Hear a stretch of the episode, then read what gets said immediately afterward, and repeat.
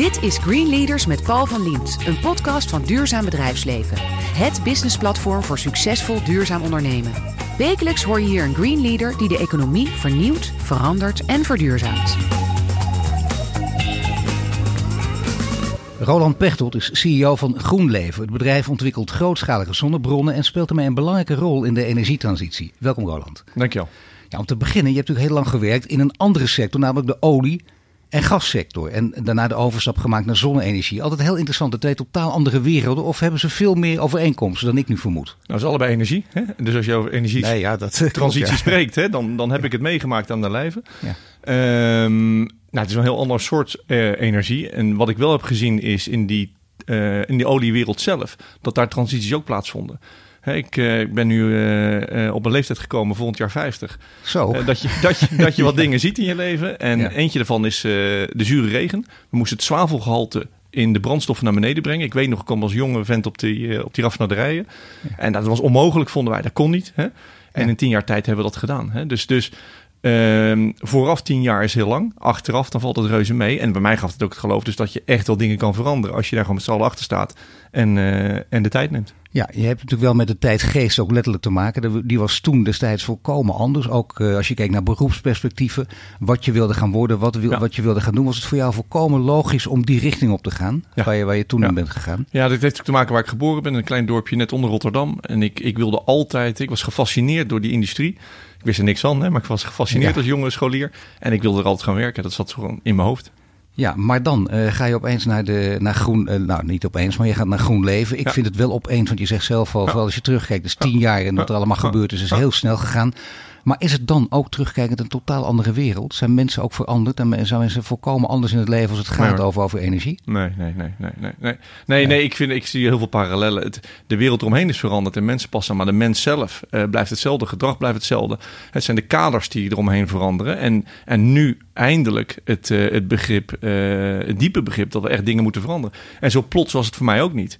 Uh, want ik zag biofuels op commercieel al in de, in de tweede helft jaren negentig serieus hiermee bezig. Alleen ook gevangen natuurlijk in de aandeelhouderschap. Nou, dat is het. Hè? Alles wat over hernieuwbare energie gaat, uh, dat, dat is lastig. Dan ja. zou, ook zou, zouden mensen binnen Shell, invloedrijke mensen dat willen, heb je toch ook met die aandeelhouders te maken. Ja. Maar is dat echt elkaar in gijzeling houden? Is er geen doorbraak te forceren? Nou, bij mij, mijn, mijn perspectief is geweest bij, bij Shell heb ik echt meegemaakt dat, dat mensen dat echt wilden doen. En, en daar ook echt wel de intelligentie voor hadden om te zien wat er gebeurde.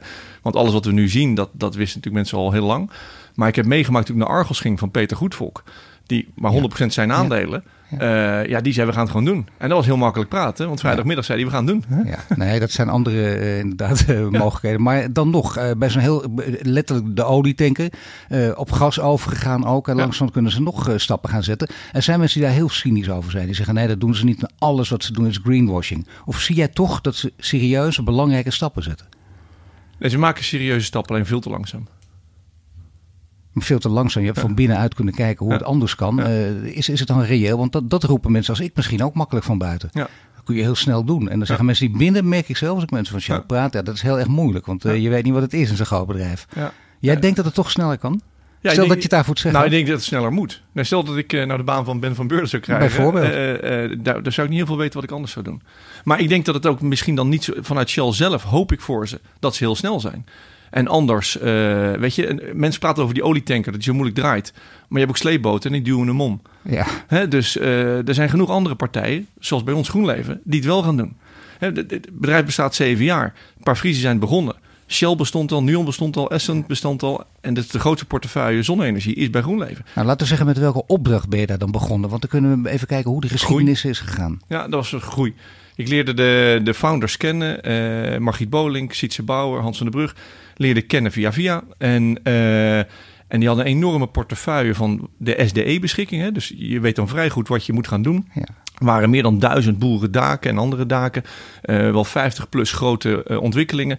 Verschillende dingen. Dubbelfunctie. Margriet is een, uh, is een boerendochter. Ja, dus de SDE-beschikkingen. SD... Ook al weten de mensen heel veel die hier naar luisteren. Maar die denken, wat heeft hij nou weer over de SDE-beschikking? Subsidie. Laat maar gewoon een subsidie noemen. SDE plus. Ja. Subsidie duurzame, duurzame subsidiegeld. En, um, en, en ze hadden een enorme pijplijn. Maar zaten met 15 man op kantoor. En eigenlijk kwam ik ze daar tegen. Ja, hoe, hoe gaan we dit doen? Ik zei, nou, ik heb een spreadsheetje, gemaakt. Misschien het eerste wat ze zagen in hun leven. Ik zei, nou ja, dan heb je zoveel euro's nodig. Zoveel mensen, zoveel panelen, zoveel kilometer kabel. Uh, nou, laten we dat maar gaan doen. Ja, maar dan schrikken ze vaak in beginsel natuurlijk. Ze zijn klein, ze willen groeien, maar ja, kan dit wel? Is het mogelijk? Hoe forceer je die doorbraak? Dat wil bijna iedereen die van start-up scale-up worden, wil dat weten. Ja, nou, ze schrokken niet. Ze wisten dat zij geweldig goed het bedrijf hadden neergezet, uitgevonden en, uh, en gebracht waar het was. En dat er dan weer ander soort leiderschap nodig is om het verder te brengen met die ervaring. Ik bedoel, eh, het ging over getallen en supply chains en vanaf Azië zorgen dat je altijd panelen krijgt. En nou, dat waren concepten die zij nog niet hadden meegemaakt. Ik wel. Dus ik had zo'n bedrijf denk ik niet kunnen starten, anders had ik het wel een keer gedaan. Uh, maar het weer naar een volgende fase brengen. Ja, ze zijn nog steeds aandeelhouder en dat, en dat gaat heel harmonieus. Ik denk dat zij niet ervan schrokken, maar zagen ja, nu het stokje overdragen in, in belang van het bedrijf. En je hebt ook uh, heel veel geld nodig en subsidiegelden houden op een gegeven moment ook een keer op. Je hebt dus ook hele belangrijke investeerders nodig. Hoe, hoe is het daarmee gesteld? Is dat gelukt? Ja, dat, is, dat is eigenlijk de opdracht. Hè, dat we zeiden, wil je dit zelf doen? Nou ja, de, de ondernemers en oprichters zeggen natuurlijk, ja natuurlijk kunnen we dat. Ik zei, nou, dan, dan, dan, dan, dan, dan, hebben we nog een paar neven en nichten nodig die er al werkten. Uh, en ik zie en kapitaal. Dus wij hebben toen, we zijn proactief gaan zoeken naar een partij. Niet een investeerder, want geld is tegenwoordig makkelijk te krijgen, maar kennis hadden we nodig kennis en ervaring. Is in Nederland niet. We lopen hopeloos achter in de energietransitie. Dus ik zei, nou, wie werken met Franse, Engelse of Duitsers? dat, is, dus, het is een Duitse partij geworden. En welke partij is het? BayWa. Uh, BayWa Renewable Energy. Nummer drie, vier in de wereld. Met hele diepe zakken ook dus. Ja, beursgenoteerd. Dus die, die zakken gaan zo naar de beurs. Ja. Maar ja, beursgenoteerd, hè, dat, uh, dat is geweldig. Uh, veel geld. Maar ja, ook natuurlijk weer te maken met aandeelhouders. Ja, maar één en een stratege, die snapt het. Dus als wij het hebben hier over netwerkproblematiek, over aansluiten, over, over besluit. Dat maken ze mee in Japan, in Amerika, in Australië. Dus die worden niet zo snel nerveus. Maar die snapte dat wil zeggen, dat, dat is iets, eh, dat merk ik, eh, nou laten we zeggen, misschien in de wereld die hier minder eh, goed in ingevoerd is.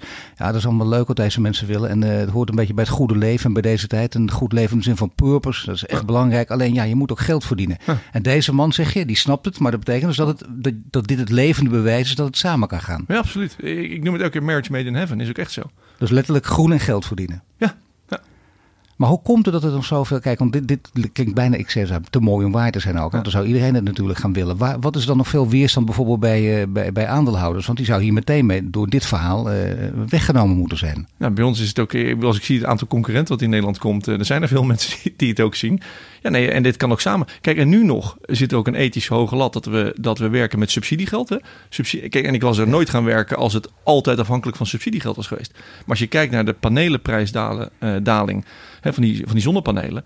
Dat gaat in zo'n rap tempo. Nou, de zonuren in Nederland zullen we niet veranderen. Dat is rond de 900. Hè? Dus je kan zo uitrekenen wanneer we subsidieloos zijn. En ik, ik ben ervan overtuigd dat het binnen vijf jaar is en misschien al over drie jaar. Ja, dat is wel interessant, want over vijf jaar dat onthouden we gewoon. Hè. De meeste journalisten natuurlijk niet. En maar dat doen wij hier bij Duurzaam Bedrijfsverveel. Dus dan kunnen we jou uitnodigen en dan laten we een bandje voor ze. Kijk eens wat hij toen zei. Dat gaat echt heel rap. Hè? Bedoel, dat, dat, maar het is ook bewezen. Het, het, is gewoon een kaart van de wereld. Eh, Spanje kon je het uitrekenen, daar is het nu. Uh, nou, Spanje heeft in het zuiden wat meer zonuren in het midden. Je kan zo'n kaart van de, van de wereld maken vanaf het even naar omhoog wanneer het gaat gebeuren.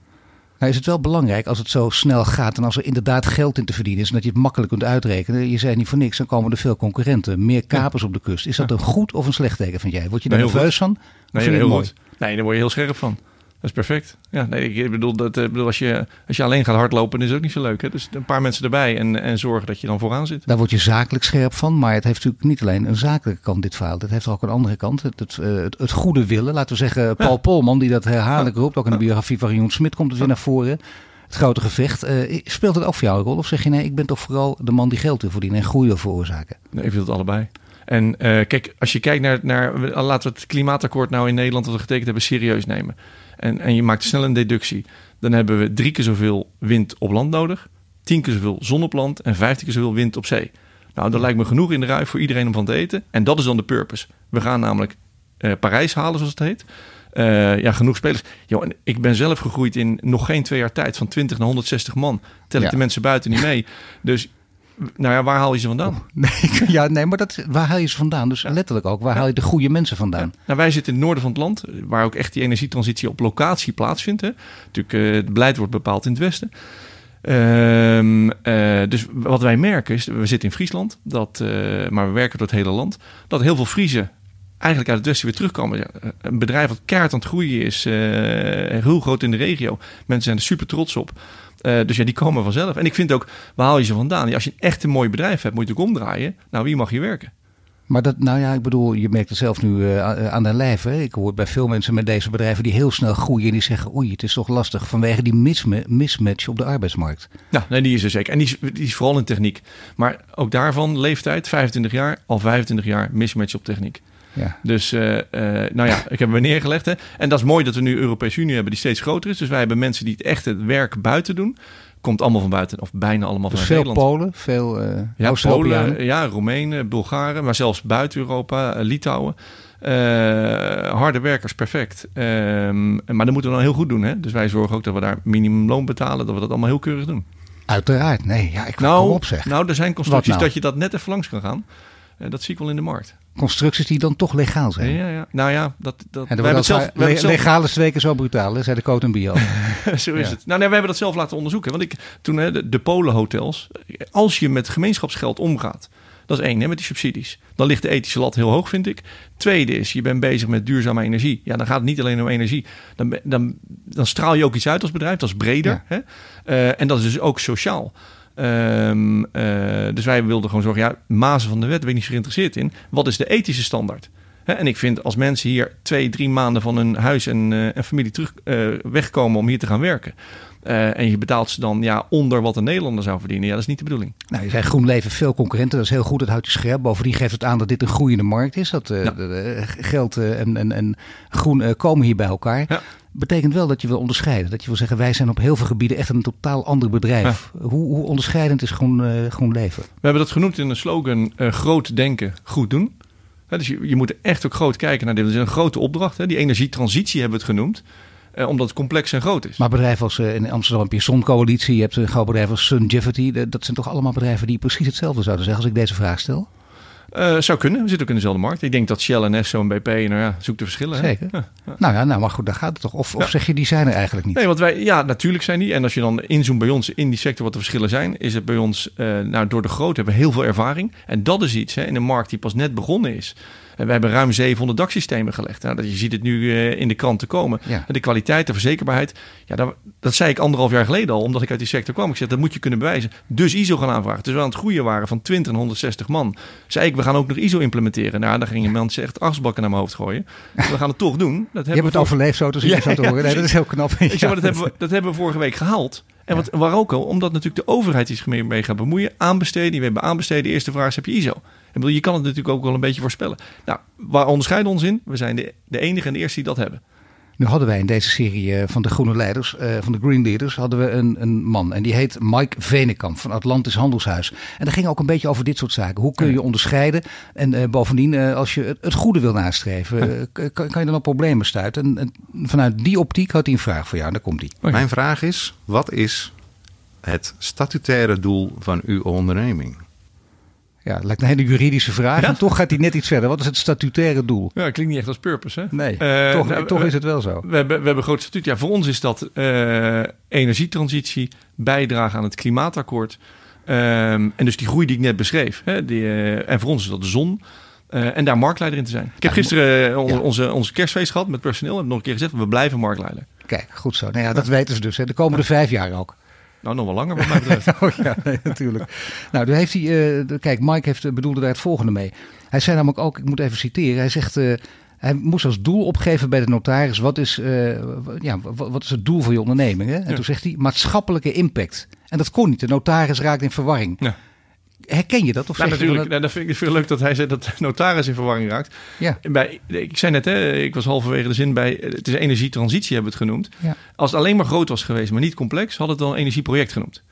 Hè? Maar wat je merkt bij een transitie, beleidskaders moeten worden aangepast. En mensen die van de beleidskaders erg zijn hè, in, het, in, het, in het bewaken ervan. Nou, notaris lijkt me, lijkt me daar een groot voorbeeld van. Ja. ja, die raakt even van slag. Want hè, zijn wereld is, eh, of haar wereld, is het, is het wetboek.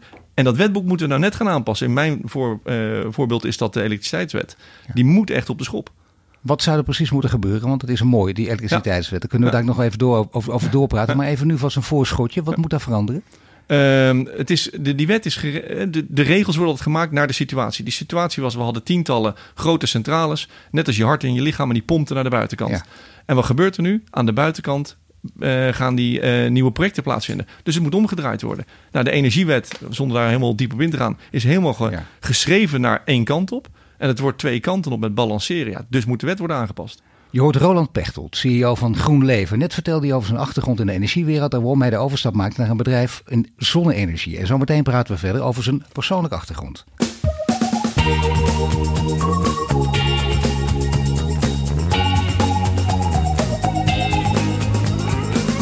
Bij mij de studio Roland Pechtold, CEO van GroenLeven. Zojuist spraken we over zijn loopbaan in de energiewereld. En nu praten we verder over zijn persoonlijke achtergrond en over duurzaam leiderschap.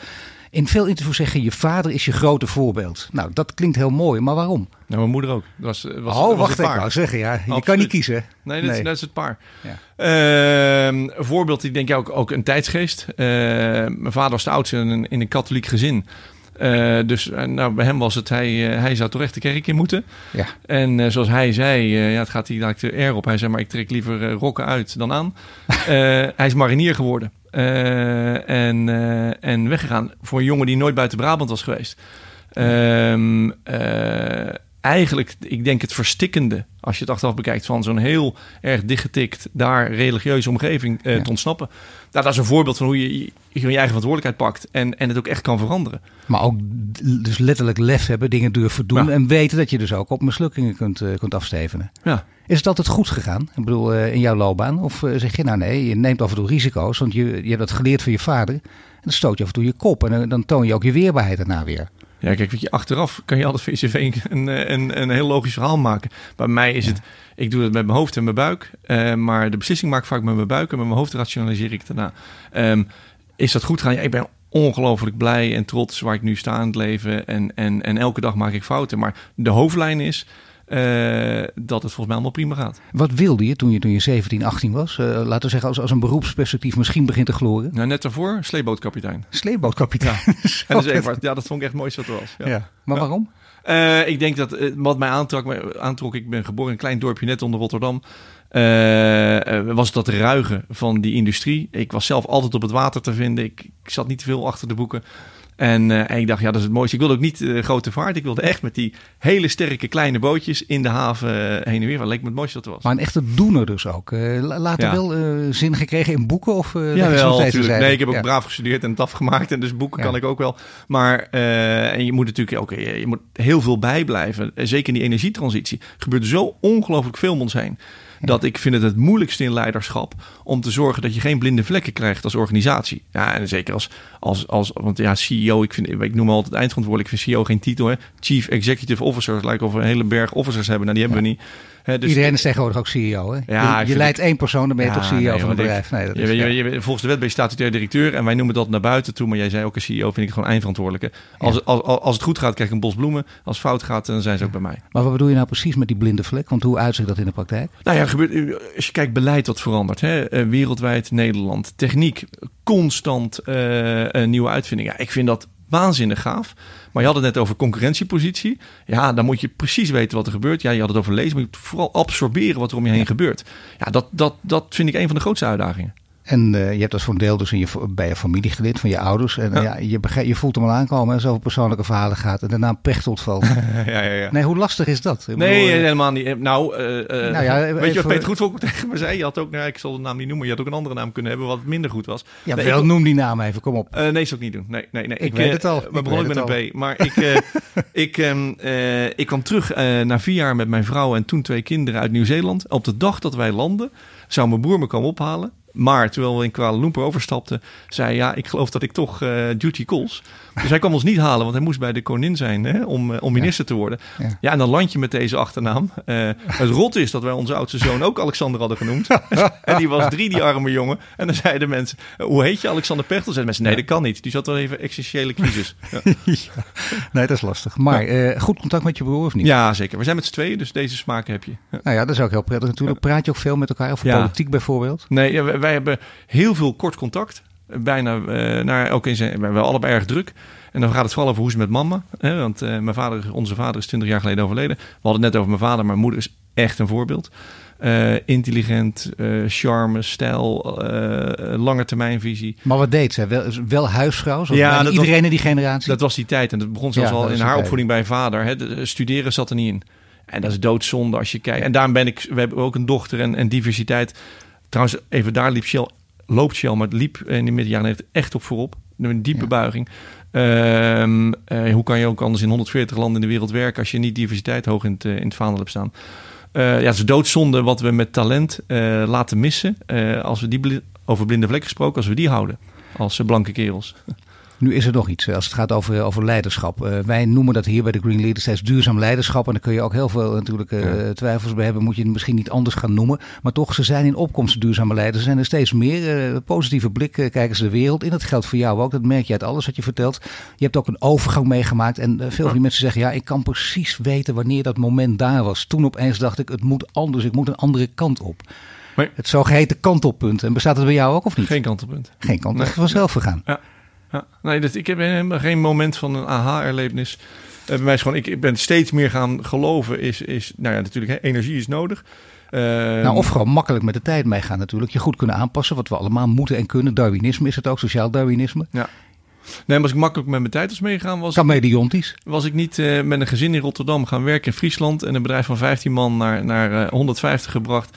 Uh, met nou, alles daarom. erbij komt. Ik dat zou was, bijna wel een klus hoor. Dan, ja, maar dan moet daar toch iets, uh, een, een, andere drijfveer achter zitten. Dat doet het niet zomaar. Ja, su super gaaf wat we aan het doen zijn in de energietransitie die zo broodhard nodig is. En schaamrood op onze kaak in Nederland. Als je kijkt naar de economische kracht die we hebben hoe vreselijk we achterlopen. Ik vind het echt een, een, een vreselijke situatie waar we ons in gemanoeuvreerd hebben. Of daar, daar zijn we gewoon in, in, uh, in terechtgekomen. Ja. We staan met Malta on, onderaan het lijstje in de Europese Unie. En mensen weten dat niet. Ja. Beschamend. Nou ja, goed. Uh, ze willen vooral weten waarom dat, hoe dat komt. Hè? Want we zien die lijstjes heel vaak voorbij komen. Ja. Wat is volgens jou de belangrijkste reden? Dat is allemaal uit te leggen. We hebben gas gratis. Daarom een hele zware industrie. Dus als je onze energiefootprint kijkt, is die heel hoog. He, als je kijkt ons gelijk met Denemarken. Uh, ja, we hebben, we hebben 17 miljoen mensen, zij 5, hè, want Denemarken staat bijna vooraan. Uh, wij hebben al die zware industrie door dat gratis gas. Ja. Uh, ja, dus het is allemaal te verklaren. Maar ja, dat, de, de, de we zijn er een beetje lui van geworden ook, hè? Ja, natuurlijk. Ja. ja. Maar nu weten we dat het anders moet en nu gaan we toch een inhaalslag hebben. Dat nou, Nederland ik, toch ook ik, heel vaak gedaan? We weten dat het anders moet. ik lees de Telegraaf ook. Dat valt me nog wel eens tegen hoor. Nou, wat lees je daar dan?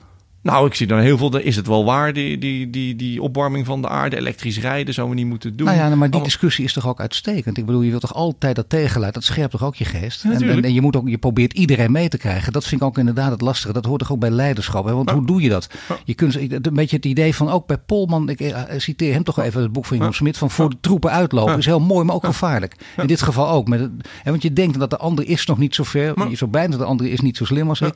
Hoe krijg je die groep dan mee? Nou, maar je, wat je nu zegt is de balans daar geloof ik heilig in. Maar jij, we weten het wel. Dat, daar was ik het nog niet mee eens. Hè? Dus, uh, maar mijn vraag is dan, hoe krijg je de anderen mee? Als je, als je tenminste ervan uitgaat dat jij voor de troepen uitloopt. Nou, soms hoef je niet mee te krijgen. Soms moet je het gewoon gaan doen. Hè? Dat zijn wij ook gaan doen. Ik, ik hoef, ik, ik, mijn missie is niet de telegraaflezer te overtuigen. Uh, mijn missie is die zonnetransitie uh, doen. Ja, en het aardige is juist dat jij natuurlijk wel uit die wereld komt. De Telegraaflezer heeft uh, prachtig. Die vindt die, vindt die wereld geweldig. Waar jij vroeger in zat ook. Dus dan zou jij misschien wel een, rolmodel kunnen zijn om deze mensen wel degelijk mee te krijgen. Ik sta hier bij jou. En ik denk dat al mijn oude vrienden dit gaan luisteren. En die denken, dacht, nou misschien wil ik dit ook wel. Nou, dat. Nu, is het ook, nu hoort ook bij leiderschap dat je, dat, je, dat je grote stappen in je leven durft te nemen. Heb jij dus gedaan. Uh, hoe krijg je dat voor elkaar? Want het is inderdaad niet zomaar iets. Je kunt zeggen, ik ga naar het buitenland. Dat is Friesland ja. bijna. Als je op een heel andere plek in Nederland woont. Ja. En dan moet je vrouw en kinderen moeten ook mee willen. Nee, die zijn ook niet meegegaan. Nee, die, uh, nee, mijn vrouw werkt uh, fulltime ook vanaf het begin. Hè. Dat is zalig. Mag ik weten wat ze doet? Ja, natuurlijk. Uh, directeur Smartport in Rotterdam. Ja, een belangrijke baan. Naar de hele kun je dat niet kiezen. Dat is niet zo van de huisvrouw gaat mee. Nee, en uh, toen zei ik, ja schat, dit, dit, raakt mij zo wat ze daar bij GroenLeven aan het doen zijn. Dit is mijn kans om daadwerkelijk mee te, uh, te helpen in de energietransitie. Ze wist dat ik daar al echt de noodzaak helemaal in mijn genen voelde. En zeg ik, maar ja, dan, zeker in het begin zal ik niet veel thuis zijn. Dan zit ik gewoon de hele week in Friesland. Toen zei ze, nou, je bent nu ook niet zo heel veel thuis. Dus ja. succes. Hè? Maar jij hebt dus apart daar, je, je, je woont en werkt en overnacht daar ook in ja, Friesland. Ja, en dan in de weekenden ga je weer terug. Ja, en dat wordt nu steeds minder. Ik bedoel, al die collega's die erbij zijn gekomen. Ja, dat is natuurlijk ook fijn als je, als je dan uh, eindverantwoordelijke bent. Uh, dat die mensen ook hard gaan werken. En dan kan je meer... kijk, ik kon het vorig jaar echt geen tijd om hier te staan. Dat is serieus. Ik ben alleen maar aan het werk met die projecten. En nu heb ik collega's die dit aan het doen zijn, terwijl ik kan vertellen over wat we aan het doen zijn. Ben je daar goed in, in delegeren? Ja, denk het wel. Moet je dat leren of gaat het vanzelf? Nou, ik het allebei. Je, je moet van karakter durven loslaten, stappen doen en vertrouwen. Hebben mij op je WhatsApp kan je een dingetje altijd zetten. Staat mij al jarenlang. hè, trust reduces complexity. Ja. En, en dus mij is dat het echt. Eh, als je nou begint. En dat staat me wat tegen deze energietransitie. Ik merk dat um, uh, de overheid. Want wij zijn dan een ontwikkelaar. Ja. Nou, dan word je vaak als een melaatse binnengehaald hoor. Dus het is wantrouwen als, als, als opening. En het is ook te begrijpen. Hè, omdat als je daar een fout maakt in, het, in de overheid, nou ja, Menno Smel uh, was dan, uh, dat, dat zien we dan. Maar, nou ja, dat zien we dan, maar we zien ook dat het allemaal niets uithaalt. Dat is het eigenlijk het enige mooie in deze ja. commentaar. Het is weer over, zoek maar eens een betere. Ja. Ja, ik vond het heel leuk vanmorgen in het FD dat ze een stukje stond hè, van nou we gaan iemand zoeken die dit doet. Ja, dat is natuurlijk vreselijk. Dus, maar dat, weet je, dat zal allemaal wel. Dat, dat, daar moet je niet weer de pakken gaan is. Dan gaan we het gewoon toch maar doen. Maar um, echt, kijk, een organisatie of een wet of een regel, alles van structuur, is een middel. Het is geen doel. En, en de meerderheid van de mensen voelt zich senang in dat systeem. En dan wordt het, het middel wordt het doel. Ja, en daar ben ik falikant op tegen. Daarom zeg ik nu ook, die energietransitie, is die wetgevingsaanpassing zo nodig? Ja. ja, dat is heel lastig. Ja, jongens, maar daarom hebben we de energietransitie genoemd. Dus de drie partijen, de overheid die onze kaders bepaalt, en gelukkig en goed en perfect, hè, dus dat, moet ook binnen. We moeten ook niet hebben dat ze allemaal buitenlijntjes gaan kleuren daar, want dan is het niet meer te voorspellen. De andere kant ontwikkelaars die de, de, molen, de windmolens en de zonneparken bouwen. En ertussenin de netwerkbedrijven die het aan elkaar moeten knopen. Uh, ja, alle drie moeten elkaar de hand geven en groter worden dan onszelf. Maar dat is lastig. Daar heb je, daar heb je dus juist daar uitgerekend, daar heb je goede leiders nodig. En goede leiders zijn ook mensen, lees je ook bijna alle goede literatuur daarover. Namelijk de mensen die uh, het antwoord hebben op uh, de beslissende vragen van de tijd. Ja. Daar gaat het eigenlijk om. En die hebben we genoeg in Nederland. Nou, wat, wat zijn de beslissende vragen van deze tijd? In de energiesector zullen we het maar even houden. Vandaag, om de energietransitie... Kijk, 2020 halen we niet. 2023 zeg ik hier ook, halen we ook nooit. Uh, dus wat zegt mij nou dat we over 10 jaar en twee weken... die enorme opgave die ik net als groei zei, wel gaan halen? Ik heb een heel hard hoofd in. Dat is politiek gezien 2,5 kabinet weg. Ja. Of 2,5 uh, college, als je het lokaal bekijkt. Eh, als je kijkt naar de gemiddelde ontwikkeltijd met de vergunningen voor een elektriciteitshuisje voor Liander bijvoorbeeld, voor Ingrid Thijssen, is dat zeven jaar. Een park zeven jaar. Een, een, een, een windpark, een zonnepark. Dus in mijn wereld is dat, we zijn er bijna. Als ik nu niet weet wat gaat gebeuren, staat het er over tien jaar niet. En dan heb ik nog geen eens dat we die tien jaar dan kunnen afschrijven, omdat er geen paneel lag, geen windmolen aan het draaien was, want het staat er dan pas. Dus het is ook weer een decennium afgeschreven. En ik vind dat super kwalijk. En daar moeten we echt hard mee aan de bak. Dus dit zijn vragen. We gaan langzamerhand ook richting oplossingen. Want je oh. hoort Roland Pechtold, de CEO. Toch noem ik het nog even zo van GroenLeven. Zojuist sprak hij over duurzaam leiderschap. En zometeen praten we verder over leiderschap in de energietransitie.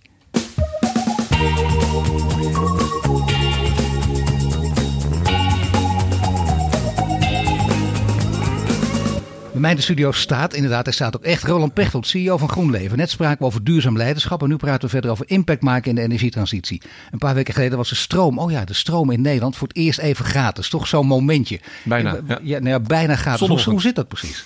Of hoe ehm, zat dat precies? Nou, vraag en aanbod. Hè? Uh, dus uh, er, is een, er is een elektriciteitsmarkt hè, die vooruit kijkt. En dan kan je op de toekomst, hè, een dag of langer, kan je elektriciteit kopen. Het rot is van elektriciteit, je kan het niet opslaan. Het is niet goedkoop. Je kan het in batterijen doen of waterstof. Hè, maar olie zet je in een tank en dan blijft het liggen. Dat is vrij goedkoop. En een batterij is heel duur. Dus dat is het, rot, het lastige van elektriciteit. Het is een, een spanning is het. Hè? Het, het is geen product. Um, wat daar gebeurde is dat er voorspellingen waren dat er heel veel wind kwam. Uh, dus nou, heel veel aanbod, relatief gezien. Hè? Want uh, 7% duurzame energie, daar hebben we nog niet zoveel. Maar dat er de voorspelling was, er komt vrij veel duurzame energie. Uh, daarmee zakt de prijs, hè? dat is het economische begrip. En, de, en het, de vraag was heel laag, want het was zondag ochtend. Ja. Nou, dat is het eerste moment in Nederland dat wij net eventjes tegen, de, tegen de service aantikken. Maar het is een leuk moment. Je zou dat bijna kunnen gebruiken als je een campagne wil gaan voeren. Zou je dat echt kunnen doen? Zou je hier iets mee kunnen doen? Kijk, het kan dus wel, want hè, mooi vraag- en aanbodverhaal. En dit zouden we kunnen uitbreiden. Hoe zou je dit, laten we zeggen, als je wel een groot publiek wil meekrijgen. Want dat hoort ook bij een transitie. Hoe zou je dat dan kunnen vertalen? Nou, met z'n allen in een bus stappen naar Duitsland. Dat gebeurde tot tien jaar. ja, ja. Nee, goed. Maar... Ja, maar, ja, ik weet dat ben er zo verbaasd over. Ja, dat, deze verhalen moet je gaan vertellen. Daarom sta ik hier ook. Het, het, het, um, het is helemaal niet zo moeilijk. Het is heel groot. Het is complex, hè? maar wat er moet gebeuren, technisch en beleidstechnisch, dat weet iemand wel. Maar wie pakt nou dat, die leiding? Nou, niemand. Dat zou je als groep moeten doen, zeker in Nederland. dus dat is, toch de vraag dan? Als het zo makkelijk is, waarom pakt dan niemand de leiding? Omdat het heel lastig is. Kijk, als je nou bij de overheid werkt, zeg nou, ik ga dat aanpassen. We hebben ook nog geen minister van duurzame energie. Hè? Of van energie. Dat hoort ergens bij nog bij. Dat zou jij heel belangrijk vinden dat dat wel gebeurt? Nou ja, als je nou kijkt naar de wereldbevolking. Wat zijn de grote vraagstukken? Is het voedsel, energie, gezondheid? Ja. Nou, zou het toch wel een idee zijn om daar een minister voor aan te wijzen? Hè? Mogen ze jou bellen? Nee, nee, daar heb ik echt verkeerde Ja, karakter voor. Ja, Waarom? nee, ik wil graag helpen en doen, maar eh, omdat ik eh, denk de, de ervaring die ik heb, eh, dat die niet toevoegt aan, het, aan ministerschap, beleidschap, dat denk ik echt niet. Nee, maar Dus bedoel ik qua karakter? te ongeduldig. Ja. Dat is het gesprek had je net over met mijn broer. En dan Dan hij, beter jouw geduldige broer gewoon bellen? Eh, ja, die, Die is zou ook gedaan. Ja, ja, die heeft er veel meer ervaring in. Dus, dus ik zou ook het hotel vinden als je zegt, oh, dat doe ik die iemand anders zijn baan wel. Dat is super complex. En weet je, mijn, mijn 25 jaar eh, achtergrond eh, is daar niet. Maar ik wil graag helpen op alle manieren. Dat doe ik dan ook. Wat ik wel kan, hè, is als ontwikkelaar, zoals het heet, om mijn rol te pakken. En constant oproepen. Drie partijen, de overheden of overheid, Ja. de ontwikkelaars en in het midden de netwerkbedrijven. Laten we nou alsjeblieft geen rechtszaken met elkaar beginnen. Want dat, dat, dat gebeurt niet heel de tijd omdat we te laat zijn. Nee. en het, netwerk zit, het netwerk zit helemaal niet zo vol. Nee. Het netwerk zit beleidstechnisch heel erg vol. Zeker. Maar natuurkundig valt dat nog wel mee. Moeten we ook wel wat doen. Maar dan moet je met elkaar aan de bak. Tuurlijk, maar als je met elkaar in de bak wil, moet je elkaar begrijpen en elkaar goed kunnen verstaan. En ook ook eh, goede verhoudingen zijn Ja. belangrijk en, en soms kan het de verkeerde kant op gaan. Daarom wil ik even toch citeren wat de netbeheerders zeggen. Want het energienet kraakt. Dat is een letterlijke eh, uitspraak van ze. En vooral de explosieve groei van zonneparken draagt eraan bij. Dus het ligt aan jullie. Ja, nee, ja, precies. Dat zeggen, dat zeggen ze dan. Ja, ja, dat vind ik ook. En, en, eh. Maar de, ehm, eh, dat is feitelijk waar. En als ik nou CEO was van Alliander, dan zou, dan zou je hetzelfde kunnen constateren. Maar ik merk, in de, we hebben goede gesprekken aan de top van economische zaken, waar de RVO onder zit en ACM. Maar ook met de CEO's van eh, eh, Liander, eh, Enexis. Dat is meer onze regio, in het noordelijk waar het moet gebeuren. Iedereen ziet dit wel. En ik begrijp dat ze het zeggen. Het netwerk zit vol en explosieve groei. Omdat ook het kader is. Ik kan nu ergens aan eh, kloppen eh, voor een stuk oppervlakte. Hè, over kassen heen, daken. Nou, dan ga ik met de dakeigenaar praten. Zeg, nou, zullen we hier beginnen? Ja, mooi. De energiewet zegt heel duidelijk. En gij zult, er staat, oh, we hadden het net over statuten, staat in de statuten van deze bedrijven, binnen 18 weken aansluiten. Dat kunnen ze niet, dat noemen ze overmacht. Nou, je kan het ook gebrek aan vooruitzien bekijken, maar Ja. dan wijs ik nu even terug en dan stop ik meteen. Goed, hè, want zij kunnen ook niet weten waar ging dit dan gebeuren. Waar moest ik dan dat huisje neerzetten? Ja. Zeven jaar vergunningstermijn. Ja. Nou, hè, het noorden van het land. Ja, waar moet ik hem dan neerzetten? Dus dat is helemaal te begrijpen. Dus wat we nu aan het doen zijn met die resten, hè, 30 regionale energiestrategieën. Eh, daar gaan we nu beleid bepalen. En dat blijkt ook al. eh, Zeeland kwam een paar maanden ge- geleden buiten. Ze zeggen, nou, dit zijn allemaal hele leuke plekken. Ja, dan zegt de netwerkbeheerder, maar dat zal heel moeilijk zijn. Goed, die constatering eh, maken we dan met z'n allen. Hoe gaan we nou zorgen dat we een kader krijgen? Want we kregen nu ook te zien, je mag niet meer aanvragen waar het netwerk eh, het zwak is. Of omgedraaid. Je mag alleen nog Ja, maar zo kom je er niet uit natuurlijk. En Nee, zegt- zei ik ook je- tegen Ingrid Thijssen, Ja. zullen we Amsterdam en Rotterdam een beetje verplaatsen? Want dan wordt de A4 ontlast. Ja, ja. Nee, maar goed, eh, je zou kunnen, kunnen zeggen, kijk naar Duitsland. Of Ja. mag je dat hier in dit geval niet doen? Maar weet je, kijk naar onszelf. We hebben in de beschikkingen van die, van die subsidies een termijn gezet. Ik moet dat binnen drie jaar bouwen. En daar is een Kafkaeske situatie ontstaan. Dus de ene gedeelte van het land zegt tegen mij: je moet het in drie jaar bouwen. Ik ben er klaar voor. Hè? Ik wil ze graag leggen. Maar dan zegt eh, het netwerkbedrijf Computer says no. Hè? We gaan het niet doen. Eh, en dan krijg ik van dezelfde overheid op mijn donder dat ik het park niet aanleg. Ja, maar Kafkaeske situaties zijn natuurlijk geweldig voor geweldige leiders. Voor leiders met, Ja. eh, met grote inzichten. Wel- Welke leider zou hier een, eh, een oplossing kunnen bedenken? Want dat moet je doen. Eh, ik en Ingrid Thijssen en, eh en Smallebroek van EZ. dus Nou, hier gewoon met elkaar gezet. drie leiders. Ja, nou, en er zijn er heel veel. Mensen weten dit. Nu is het samen. Ik hoop ook met het kabinet nog anderhalf jaar te gaan heeft. En ik zie daar nu dat mensen het zien. Dat die toch nog Nee, mee gaan sorry, helpen. Sorry, moet ik even onderbreken. Je, je, weet, je weet, dat heb je toch van je broer ook geleerd. eh, dat dat gewoon eh, juist zo werkt. Een kabinet heeft nog anderhalf jaar te gaan. Die gaan geen enkele stap meer zetten. Juist niet. Nee, Toch wel? natuurlijk niet. Nee, we zijn nu net Dat is voor het eerst in de geschiedenis dat het kabinet dat gaat doen. Want Nou, ik- nu wordt er naar de achterbannen gekeken. En er komen weer verkiezingen aan. Hoe scherp kijk je naar die regelgeving? En hoeveel ga je naar de letter of the law of ga je naar de spirit? Ja. Hè, en en, en ik, heb, ik kan een radioprogramma hier vullen over, over Kafka's situaties lokaal. Dat we zeggen, het is door jezelf aangewezen, maar dan gaat het over een perceelnummer wat aangepast moet worden. En, en Ja, daardoor kan ook een goed idee door- trouwens. Ook een keer doen. Ah, dat is dat. Nou ja, dat, Ja, dus als- als je niet van ging huilen, ging je ervan lachen. Ja. Ehm, ehm, eh, ja, dat, dat is heel. Maar dan geef nou de ruimte aan de mensen om te. Om, om, om, en dat, ik vind dat Liander daarin voorop loopt. Die pakken die ruimte. Waar je zegt, nou, volgens de wet mag het misschien niet, maar we gaan het wel doen, want dat is het goede. Nou, als dat met z'n allen nou die kant op gaan, dan, dan, nou, dan geloof ik er heilig in dat we dat ook wel. Dan speelt er nog iets. Namelijk, uh, mensen die naar dit verhaal kijken, denken: oké, bij een energietransitie hoort dus uiteindelijk ook dat we van het gas af moeten. He, dat wordt hmm. door veel partijen geroepen. Ja, Hoor je ook dat die partijen zeggen: wij moeten van het gas af? Of zeg je nou, moeten we juist helemaal niet doen? Ja, dat moeten we doen, niet maar zo snel doen. Maar niet nu, precies. Het gaat over de tijd. Kijk, ook hier kan je een soort uh, uh, Maslow-pyramide maken. Laten we nou beginnen met bruinkoolweg, dan steenkoolweg, dan de, de andere hydrocarbons. Maar gas vind ik een hele mooie energietransitie. Uh, brandstof. Want met die panelen en die wind, A, er staat niet voldoende. B, als het niet waait en het is nacht, hebben we nog een issue. En die gascentrales kunnen heel mooi een backup vormen. Uh, om te zorgen dat wij altijd uh, onze tanden kunnen poetsen. Nou ja, dat vind ik heel mooi dat je dit zegt. Want er zijn ook heel veel groene leiders die dat niet vinden. Die zeggen nee, we moeten echt gewoon juist hier radicale stappen zetten. Dat hoort bij een transitie. Maar als je dat doet, dan, dan zeg je dus meteen ook tegen mensen. Bij een transitie hoort dat je af en toe ook misschien wel eens in de kou kunt komen te zitten. Wij zijn zo verwend in Nederland. We hebben natuurlijk uh, een van de waanzinnige energie. Het, het, gaat geweldig. Ja, mooiste systeem in de wereld. Ja. dat mag je echt zo zeggen. Nee, zeg zo. Dat mag je zo zeggen. Ja, nou, dat betekent dus dat, dat we af en toe wel een risicootje mogen nemen. Dat we zeggen, nou in, in een transitie mag je wel een dagje in de kou zitten? Ja, bijvoorbeeld. Nee, maar, ja, nee, maar wacht even. Dat vind ik nogal een uitspraak. Hè? Ja, is het ook. Want ik dus, heb er helemaal geen zin in. Ik kom nee, op, hoezo een dag in de kou? Dat gaat, uh, Excuus aan zijn De heer Pechtold nu bepalen dat ik een dag in de kou ga zitten. Ja, nee, maar dat doet Pechtold ook niet. Daar hebben we dan de wet voor. Nee, jullie met z'n drieën. Nou, zeg maar Pechtold, Smalle Broek en Thijs. Die zorgen dat ik een dag in de kou zit. Uh, ja, nou ja, we hebben natuurlijk hetzelfde gedaan met de Rijkswaterstaat. Gezegd, uh, hoe vaak mag het land overstromen? Voor mij hebben we gezegd eens in de 10.000 jaar, als ik het fout zeg, sorry. Maar eens in de 10.000 jaar, nou oké, dat is dan, nou, dat, nou, oké, dus gaan we de dijk op een bepaalde hoogte bouwen. En eens in de 10.000 jaar mag het fout gaan. Ja, het zou mooi zijn wat jij nu zegt, als politici dat eigenlijk ook durven zeggen. Want het betekent, uh, we kunnen geen garanties afgeven. Dat is namelijk een hele vervelende journalistieke vraag. Want garanties zijn er nooit, maar het klinkt wel heel kritisch om dat allemaal te roepen. Maar als je dan, dat doe je ook omdat de andere partij dan meestal niet toegeeft dat dit zo is. En jij zegt dat wel, je bent geen politicus. Zou dat helpen als politici dat inderdaad zouden doen en zouden zeggen? En als we ze dan als burgers... Dit kabinet bijvoorbeeld. Ja, maar als ze dan als burgers ook die ruimte geven om dat te laten doen. He, dus natuurlijk wil die politici, die, die eh, hele goede mensen, die, die, zien dit ook wel. Hè? Dus natuurlijk doen die dat. Maar dan moeten ja, maar die goede mensen zijn ook doodsbenauwd voor wat de achterban vindt. Want oh, de peilingen. en dat gaat per dag anders. En dan durven ze toch niet die koersen blijven varen. Wie durft de koers vast te zijn? Dat is in, met name dit dossier denk ik toch heel belangrijk. Ja. Nou, ik. En, en, en ik denk dat het heel naïef is uh, van mij. En, en, uh, en daarom zal ik het in de politiek denk ik ook niet lang volhouden. Ik denk echt dat dat zo moet. Uh, maar genoeg verstand om te zien dat het zo niet werkt. Het is belangrijk als je dus goede voorbeelden hebt. Je hebt naar Duitsland verwezen. Maar ja, als je dan kijkt naar klimaatakkoorden, verlopen allemaal heel moeizaam en zo. Daar worden mensen ook een beetje moedeloos van. En zelfs uh, cynisch. Grote groepen die je, wat ik al zeg, ook mee moet krijgen. dat, dat verschrikkelijke woord draagvlak. Maar ja, het is wel heel belangrijk.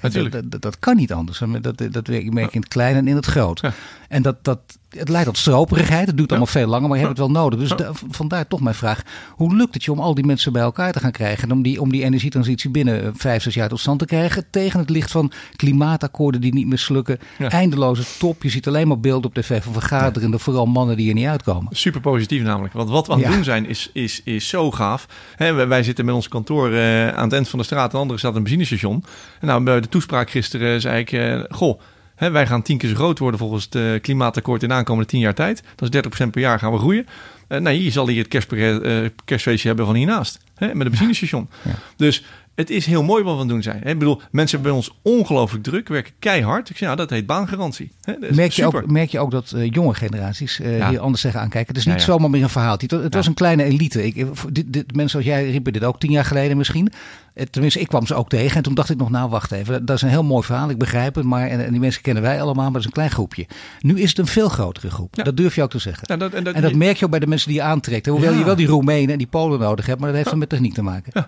Nee, eh, maar je had het over het vreselijke woord draagvlak. Het is natuurlijk een, een, vlek die steeds groter wordt van mensen die het zien. En dat gaat met het verhaal te vertellen. Wat zijn we aan het doen? Wat is nou mooi? het is ook iets heel positiefs.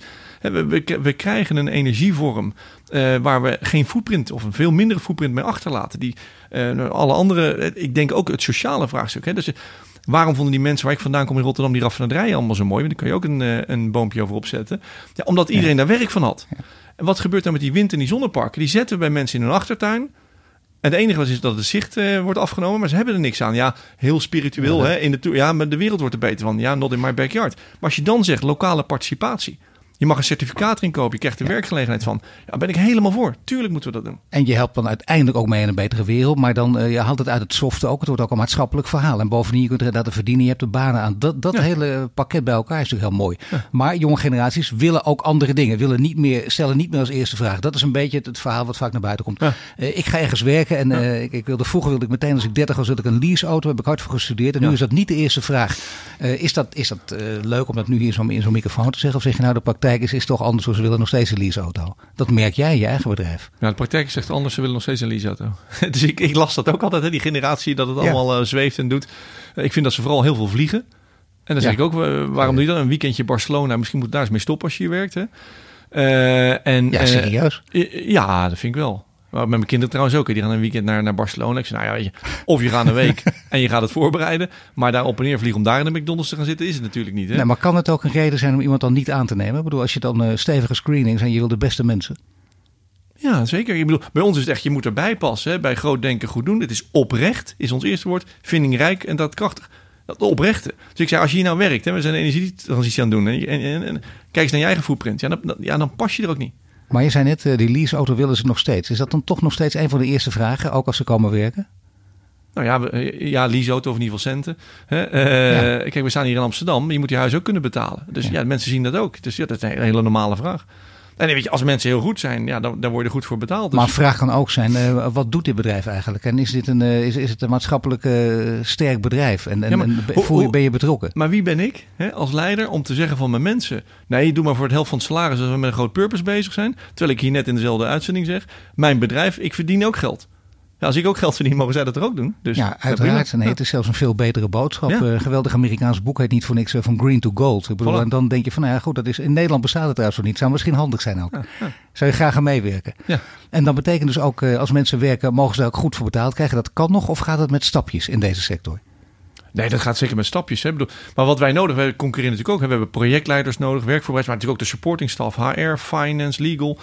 Uh, ja, die haal je uit de markt uh, waar concurrentie is. Dus ja, ik moet gewoon marktconforme salarissen betalen. En uiteindelijk, de grote leider Roland Pechtold, die geeft ook het grote voorbeeld, het goede voorbeeld, is ook een rolmodel in zijn bedrijf. Want dat kan ook heel krampachtig worden natuurlijk. Hè? Dan, heb je, dan gaat het op ja. alles. Dan krijg je, ja, dan krijg je dat hele schaamteverhaal. Uh, is dat pak niet in, weet ik veel wat... Ja. In verkeerde ateliers gemaakt. En zo gaat het maar door. Ja, precies. Schoenen, wat je eet. Ja, ja absoluut. Alles. Ja, nee, zeker. Uh, kijk, het zijn allemaal kleine stapjes die je moet maken. Ik, uh, laat ik even over de Nederlandse uh, bescheidenheid heen stappen. ik, nou, ik, ik, doe stinkend mijn best om de goede leider te zijn. En als ik zo gisteren onze sfeer proefde met alle 160 collega's bij elkaar, dan geloof ik dat het best hier en daar lukt. Heb ik nog één uh, ja, toch lastige vraag voor jou tot slot. En die heb ik niet voor niks tot het eind bewaard ook oh. en zo. Ben je ook uh, in de loop der jaren uh, politiek opgeschoven? De veranderingen die je hebt meegemaakt. Hoe heet dat ook alweer? Is er een, een politieke je, transitie doorgemaakt? Ja, hoe, heet, het ook? Als je niet jong bent en niet links, heb je geen hart. Als je niet oud bent en niet nou, rechts, heb je geen verstand. Dat kan. Uh, nee, ik, we hadden het ook over waar je, welk nestje vandaan komt. Ik ben heel dicht gebleven, bijgebleven dat je zelf moet nadenken. En we hadden het over draagvlakken dingen. Dus bij mij zijn een paar dingen heel belangrijk. Uh, United Nations heeft nu de 17 Sustainable Development Goals. Ja. Hè? En dat bestaat pas, United Nations bestaat pas 100 jaar, omdat we de Eerste Wereldoorlog, dat wilden we niet meer. Uh, Tweede Wereldoorlog, nu een veel sterkere Europese Unie. Hè, wij, wij, kunnen niet meer bij elkaar over de grens uh, marcheren om te zeggen, nou, dit, dit, stukje land is van mij. Dus als je dat in langere termijn ziet, ik geloof heilig in uh, de mensen met elkaar brengen. Ja, noem het dan in ons geval eventjes hier Europa. Ja. Ik geloof heilig in Europa onderwijs. wil het voortouw nemen trouwens. Ja, natuurlijk. We hebben ja. zo'n prachtig gebied van de wereld. Als je kijkt... Je, ook het hoogst opgeleide ja, maar, deel van de wereld. Dat wordt en het meest vrij, groep ook. We beseffen niet dat ik hier gewoon in de, in de uitzending kan zeggen wat ik wil. Hè, zonder dadelijk uh, opgepakt te worden. Nee. Ja, dat is, dat, hè. Tot nu toe dan. Het, ja, mag, ik weet niet wat je helemaal goed nee, nee, nee. Maar, en, en, en daarnaast onderwijs. En onderwijs. Ja, maar gewoon het vertellen. Het, ja. Dat je het vrij mag publiceren. En dus jouw vak. Geweldig. En mensen aan de tand voelen. De goede Zeker. vragen stellen. Uh, dat is wat we nodig hebben. Nou, maar als, ook de goede antwoorden graag. Hè? Want ik wilde eigenlijk ja. weten: van, is, is de man, uh, is Roland Pechtel die, die bij Shell werkte, ja. stemt hij op dezelfde partij als, ja. als nu uh, bij GroenLeven? Ja. ja, dat is voor mij ook altijd D66 geweest. Oh, toch? ja, onderwijs. Nou, anders had ik ook altijd zo'n rot kerstdiner natuurlijk. ja, nee, maar, dat is ook, nee, maar ik zo praktisch. Ja. Ik vind het, en een beetje in Nederland zit het allemaal zo dicht tegen elkaar aan. Op een paar uitzonderingen na zit het zo dicht tegen elkaar aan. Nou ja, we vinden het allemaal wel. Ik dank je, Roland Pechtold. Je luistert naar de podcast van Duurzaam Bedrijfsleven, mede mogelijk gemaakt door onze partners Ebbingen en Hill en Nolten. Volgende week zijn we terug met een nieuwe Green Leader. Dit was de Green Leaders podcast voor deze week. Volg onze website voor meer nieuws over succesvol duurzaam ondernemen.